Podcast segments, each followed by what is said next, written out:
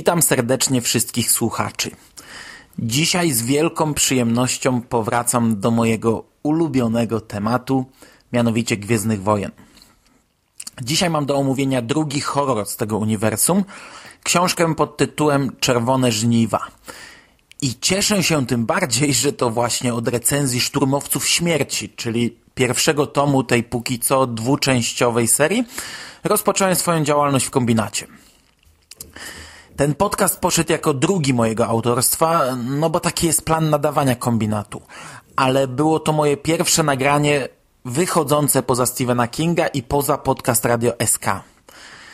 I o ile się nie mylę, była to też moja ostatnia książka ze stajni Lukasa na bardzo długi czas. Co chyba nie najlepiej o niej świadczy, bo wcześniej miałem okres kilkunastu książek z szyldu Star Wars rocznie. E, może coś tam potem czytałem, ale raczej jedynie fragmenty. Choć zapewniam, że na drugi tom autentycznie czekałem. Kupiłem go od razu po premierze, co już dawno mi się nie zdarzyło w przypadku tej serii. I od razu też zacząłem czytać. Skończyłem miesiąc później, co też sporo mówi o tej książce. Czerwone żniwa są prequelem Szturmowców Śmierci. Jednak jest to o tyle nietypowy prequel, że jego akcja rozgrywa się przeszło 3,5 tysiąca lat wcześniej. Pierwszy tom przedstawiał nam wydarzenia na krótko przed czwartym epizodem, a tutaj mamy dawne dzieje ze Starej Republiki. Mm, choć tak naprawdę poza innym umiejscowieniem akcji, konstrukcja książki pozostaje bez zmian. Niestety Czerwone Żniwa są kalką pomysłu na książkę, jaki autor wykorzystał już wcześniej w Szturmowcach. I tutaj punkt po punkcie realizuje go po raz drugi. Półtora roku temu, w pierwszej recenzji, e, ja krytykowałem pierwszą książkę głównie z tego powodu, że została ona na siłę wepchnięta do tego uniwersum. I to jest o tyle zabawne, że przez ten czas wyobrażenie na temat tej powieści jakoś przekształciło się w mojej głowie i na chwilę obecną wspominam tę książkę jako taką fajną, lekką lekturę rozgrywającą się w dość mrocznej, klimatycznej scenerii i właśnie dość mocno osadzonej w świecie Gwiezdnych Wojen. A jednocześnie wiem, że tak wcale nie jest, a po prostu chyba tylko te elementy pozostały mi w pamięci. No bo tak na dobrą sprawę pamiętam tylko szkielet samej opowieści, miejsce akcji, dwóch bohaterów i zombie. I obawiam się, że za kilka miesięcy może być podobnie z Czerwonymi Żniwami, bo sama sceneria książki jest klimatyczna. Z tą różnicą, że tutaj na pewno nie zapamiętam bohaterów. W pierwszej części był opuszczony statek w przestrzeni kosmicznej, teraz mamy śnieżną, pokrytą lodem planetę i Akademię Sithów. Początkowo akcja rozgrywa się dwutorowo. W Akademii znikają studenci, którzy wcześniej zostają upokorzeni w walce. Wielki Lord Sithów skrywa jakąś tajemnicę, e, co jak się szybko okazuje, no po prostu próbuje stworzyć zombiaki. A w międzyczasie młoda Jedi, przydzielona do korpusów rolniczych, dzięki swoim umiejętnościom porozumiewania się z orchideą, opiekuje się nią. te dwa wydarzenia szybko, choć może znowu nie aż tak szybko, jak być powinno, łączą się ze sobą. Orchidea jest potrzebna Lordowi Sithów, by wskrzesić zombie. Ale aby ją dostarczyć na lodową planetę, trzeba zabrać też żywcem młodą Jedi, bo bez niej kwiat zginie. W końcu Lord Sithów tworzy zombie, którzy zaczynają zabijać yy, i tak już do końca książki. Pierwsza rzecz to bohaterowie. Okej, okay, w przypadku szturmowców śmierci wszyscy narzekali, yy, że jaki to bezsens, by wrzucać do książki Hanna Solo i Czubakę. ja się zgadzam, yy, choć może z innych powodów niż reszta. Yy, wszyscy pisali, że to największy błąd w horrorze dawać postacie, o których każdy wie, że przeżyją. Według mnie większym błędem jest tutaj po prostu sam fakt, że ktoś taki jak Han Solo i Chewbacca występuje w horrorze o zombie, do którego pasują jak pięć do nosa.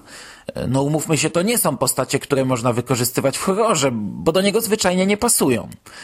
W Czerwonych Żniwach, y, dzięki takiemu umiejscowieniu w linii czasowej, nie ma znanych postaci z filmów, ale jak dla mnie nie ma różnicy, czy nie przejmuję się losem bohaterów dlatego, że wiem, że oni przeżyją, czy po prostu się nim nie przejmuję, bo są tak nijacy, że mam ich w dupie. Ja jak czytam książki z uniwersum Star Wars, często wracam do listy postaci umieszczonej na początku i sprawdzam, kto jest kto. Tutaj też przez jakiś czas to robiłem, ale do czasu. Potem już kompletnie nie obchodziło mnie, czy to Jedi, czy Sith, dobry, czy zły, zginie, nie zginie. No, i to tyle w temacie postaci. Druga rzecz to sama historia. E, zauważcie, jak to zwykle jest w filmowych seriach o zombie. Zazwyczaj jesteśmy od razu wrzucani w wir wydarzeń. Bez wstępów, bo są one zbędne. Ale nawet jeśli mamy jakieś wprowadzenie, to tylko w pierwszej części. Druga i kolejne to jest zawsze sieczka i rąbanka od pierwszej minuty. Bo jak ja decyduję się oglądać drugą czy kolejną część cyklu o zombie, to nie potrzebuję już ani wprowadzenia, stopniowania napięcia czy zaskoczenia. Ja wiem, że oglądam drugą czy kolejną część serii filmów o zombie i od pierwszej minuty czekam na zombie. Tutaj natomiast postawiono na prequel, który niby miał nam wyjaśnić pochodzenie gazu wskrzeszającego trupy, a tak naprawdę nic nie wyjaśnia, poza tym, że trupy mają w sobie ekstrakt z gadającego kwiatka. Ale okej, okay, niech sobie będzie prequel. Ale nie według tego samego scenariusza, w którym dostajemy wprowadzenie na pół książki. No tak się po prostu nie robi serii o zombie. No bo zastanówmy się chwilę, jak może wyglądać ewentualna trzecia część. Był już kosmos, statki i mundurowi, byli Jedi i Sithowie, a wszystko w skali mikro. Bo takie ograniczenia mają z góry nałożone te książki. Wszystko musi się skończyć i nie rozprzestrzeniać dalej. Czyli w następnym tomie wszystko musi się znów zacząć od nowa i znów skończyć. E, a jedyne czym książki mogą się od siebie różnić, to elementy gwiezdnowojenne. W trzecim tomie można dać mm, przykładowo e, światek przestępczy, kosmiczne męty i epidemię na jakiejś planecie na obrzeżach galaktyki, gdzie przemycany jest skradziony zbiornik z gazem. Ale to znów będzie ten sam scenariusz, tylko w innej scenerii. E, moim zdaniem znacznie ciekawszym rozwiązaniem byłoby poświęcić jakiś ułamek odległej galaktyki. Opisać epidemię, która obejmie całą planetę i której nie da się powstrzymać inaczej niż przez odizolowanie jej opisać coś na większą skalę, bo tak jak jest teraz, jest po prostu nijako i potencjał, o ile w ogóle jakiś istniał, wyczerpał się już po pierwszym tomie.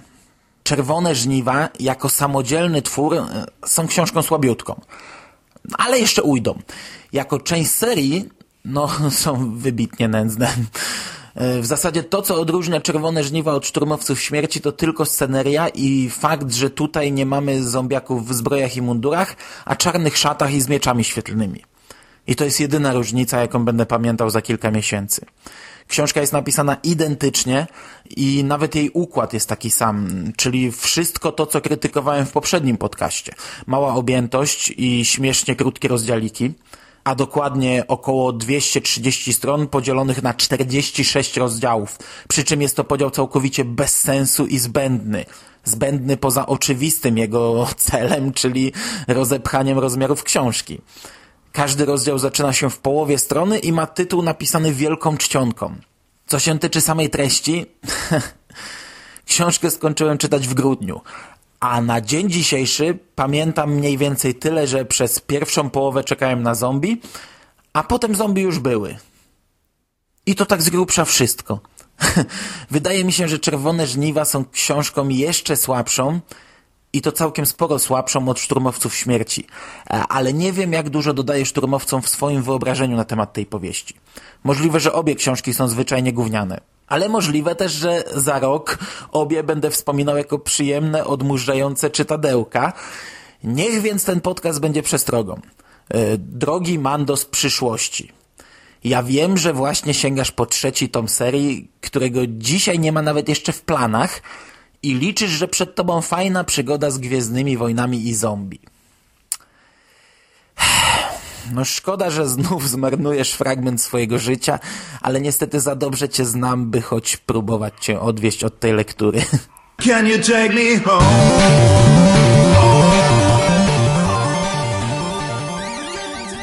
Tak po zastanowieniu jest jedna rzecz, która wyróżnia tę książkę w cały, z całego worka opowieści o żywych trupach. Jedna z postaci jest rasy istot wyglądających jak drzewa a zastanówmy się, jak często mamy okazję widzieć, choćby tylko w wyobraźni, drzewa zombie. No, warto było poświęcić miesiąc.